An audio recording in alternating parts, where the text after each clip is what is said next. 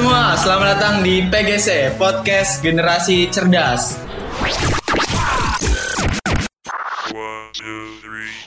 Jadi podcast ini dibentuk atas dasar ingin mencerdaskan diri sendiri. Syukur-syukur bisa ikut mencerdaskan orang lain. Semoga bisa konsisten dalam membuat konten yang terus positif. Oke, balik lagi sama gua Fandi di podcast Generasi Cerdas. Kali ini seperti biasa, gua nggak sendiri. Di episode kali ini yaitu sangat spesial karena kedatangan satu wanita pertama. Iya, yaitu ada siapa? Perkenalkan, gue Rifda Mardia. Dan gue Aceng Darussalam. Kenapa gue bilang spesial? Karena di episode kali ini kita akan membahas sesuatu yang banyak orang belum tahu, yaitu kuliah gratis plus dapat uang saku dengan KIP kuliah. Perlu diketahui bahwasanya pemerintah khususnya Kemendikbud itu menyediakan program KIP kuliah di setiap tahunnya. Namun masih banyak nih orang yang belum tahu tentang apa sih itu KIP kuliah. Gue pengen tanya nih sama Rifda, apa sih itu KIP kuliah? Ah, oke. Jadi KIP kuliah ini merupakan pemberian bantuan tunai pendidikan kepada anak usia sekolah usia 6 sampai 21 tahun yang berasal dari keluarga miskin, rentan miskin, prioritasnya pada bidang-bidang studi sains, teknologi, politeknik serta pendidikan vokasional lainnya. Jadi uh, penerima eh KIP kuliah ini kan bantuan nih. Iya. Uh, kemarin tahun kemarin itu kita sempat ada yang namanya beasiswa bidik misi ya. Iya, betul, bidik Nah, misi. karena tahun ini tuh kita jadi berubah namanya KIP kuliah. Sebenarnya sama aja sih. Ini tuh bidik misi juga bantuan, KIP kuliah juga bantuan. Cuman bedanya kalau untuk bidik misi ini uh, kuotanya kemarin sekitar 130.000. 130 ribu. Nah, sekarang untuk yang KIP kuliah ini meningkat lebih banyak karena dari pemerintah kuotanya lebih banyak. Nah, kalau untuk cara daftarnya sendiri nih untuk KIP kuliah berbeda sama bidik misi. Hmm. Karena kalau untuk kemarin itu bidik misi itu hanya melengkapi persyaratan yang eh, jadi kalau untuk yang bidik misi ini kemarin kita ngeluarin persyaratan nih dari perguruan tinggi kita apa aja, terus nanti mereka bawa persyaratannya ke kita. Nah, tapi kalau ada perbedaan untuk KIP. Kalau KIP ini dia harus daftar dulu. Eh, yang pertama ini kita harus klik ke eh, webnya Kemendikbud ya, kuliah.kemendikbud.go.id atau melakukan kuliah mobile. Itu tuh di situ nanti pendaftarannya memasukkan NIK, NIISN, NPSN dan alamat email yang valid dan aktif. Terus sistem KIP kuliah selanjutnya akan melakukan validasi NIK, NISN dan NPSN serta kelayakan pendapatan KIP kuliah. Jika proses validasi berhasil, sistem KIP kuliah selanjutnya akan mengirim nomor pendaftaran kode akses ke alamat email yang didaftarkan. Makanya tadi untuk alamat email itu harus valid ya, jangan sampai nggak valid. Yes. Terus uh, siswa menyelesaikan proses pendaftaran KIP kuliah dan memilih jalur seleksi yang akan diikuti. Terus uh, bagi calon penerima KIP kuliah yang telah dinyatakan diterima di perguruan tinggi dapat dilakukan verifikasi lebih lanjut oleh perguruan tinggi sebelum diusulkan sebagai calon mahasiswa penerima KIP kuliah.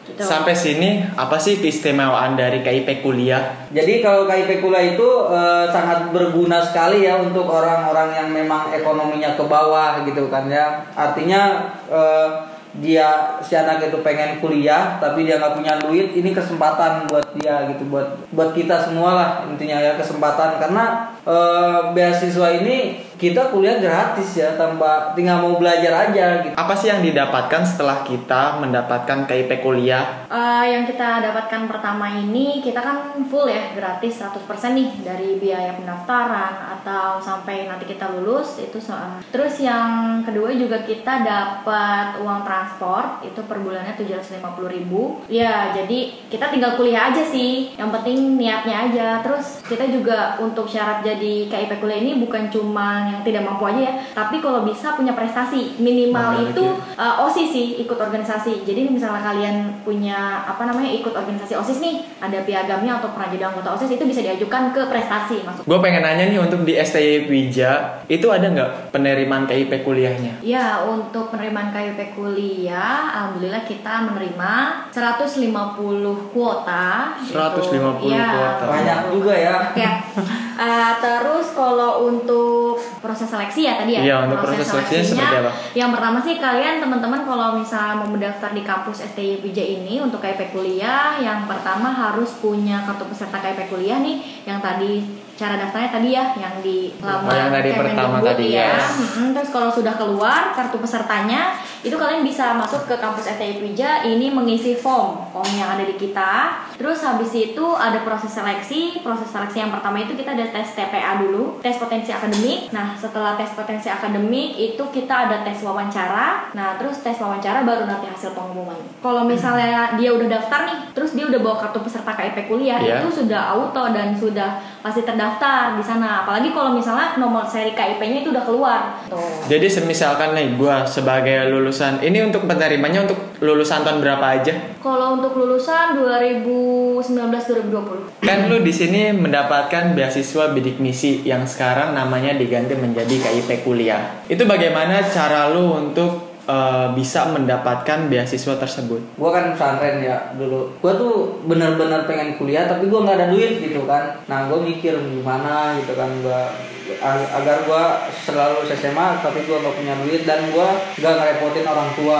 Alhamdulillah di STI dari STI itu ada yang datang ke pondok gitu eh, silaturahmi lah gitu kan sama guru-guru yang di sana gitu. Dan ada eh, waktu itu eh, pimpinan STI Pija ya yaitu Ibu Dr. Sri Lestari Prasilowati datang ke sana mengumumkan bahwa di STI Pija itu ada beasiswa bidik misi. Gue bilang ini kesempatan buat gua gitu kan. Udah gratis kuliah, tiap per semester dapat uang.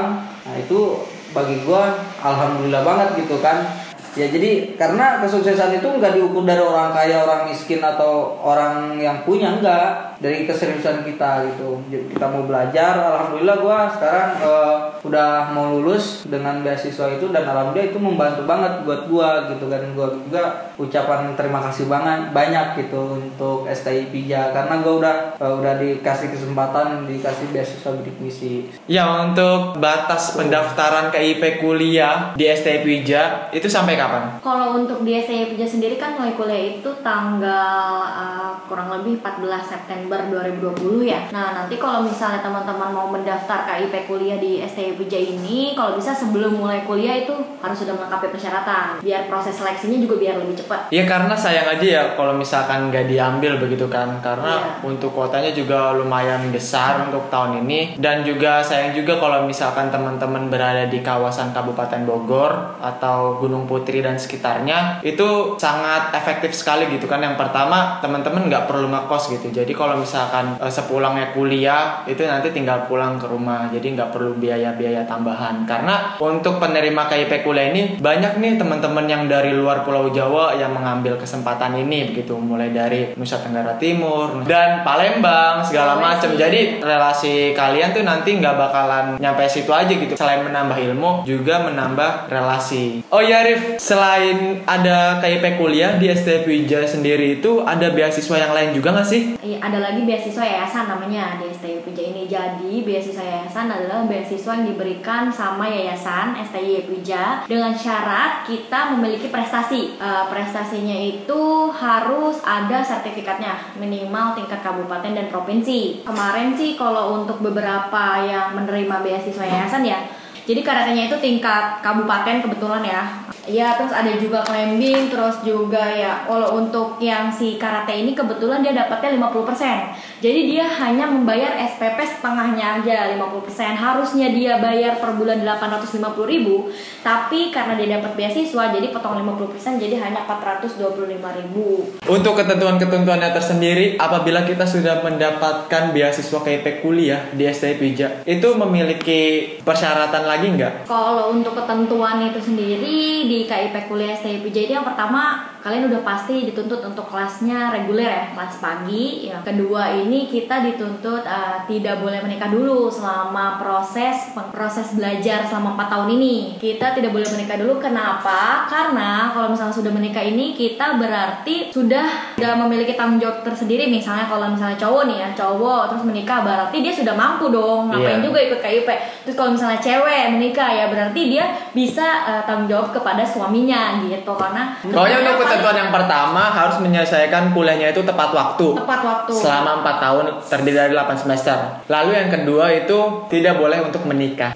Nah, jadi pesan lu apa nih Rif Eh, buat teman-teman calon mahasiswa yang masih bingung pengen nerusin ke mana, yang kepengen kuliah tapi memiliki keterbatasan biaya begitu. Uh, buat teman-teman yang berkeinginan kuliah tapi terbentur masalah biaya, jangan khawatir atau jangan putus asa. Misalnya teman-teman sudah coba di PTN gitu terus ternyata gagal karena di PTS juga terbuka lebar, itu beasiswa banyak banget. Kalian bisa coba satu persatu uh, dari mulai jalur prestasi atau tadi KIP kuliah. intinya semangat lah untuk teman-teman ya eh, Ya. untuk bisa agar bisa kuliah di Epija udah disediakan berbagai macam beasiswa gitu Ya, itu saja untuk episode kali ini. Semoga bisa menambah informasi kepada teman-teman semuanya dan semoga bermanfaat informasinya.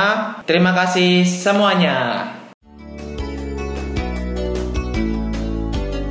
Lokasi kampus yang strategis, pilihan saya tepat karena waktu bagi saya adalah uang. Fasilitas yang lengkap menjadi penunjang kesuksesan generasi yang cerdas. Dengan dosen bersertifikasi, Iwica mampu menghasilkan lulusan yang berkualitas. Terbukti dengan biaya yang terjangkau, saya bisa menyelesaikan program S2 saya.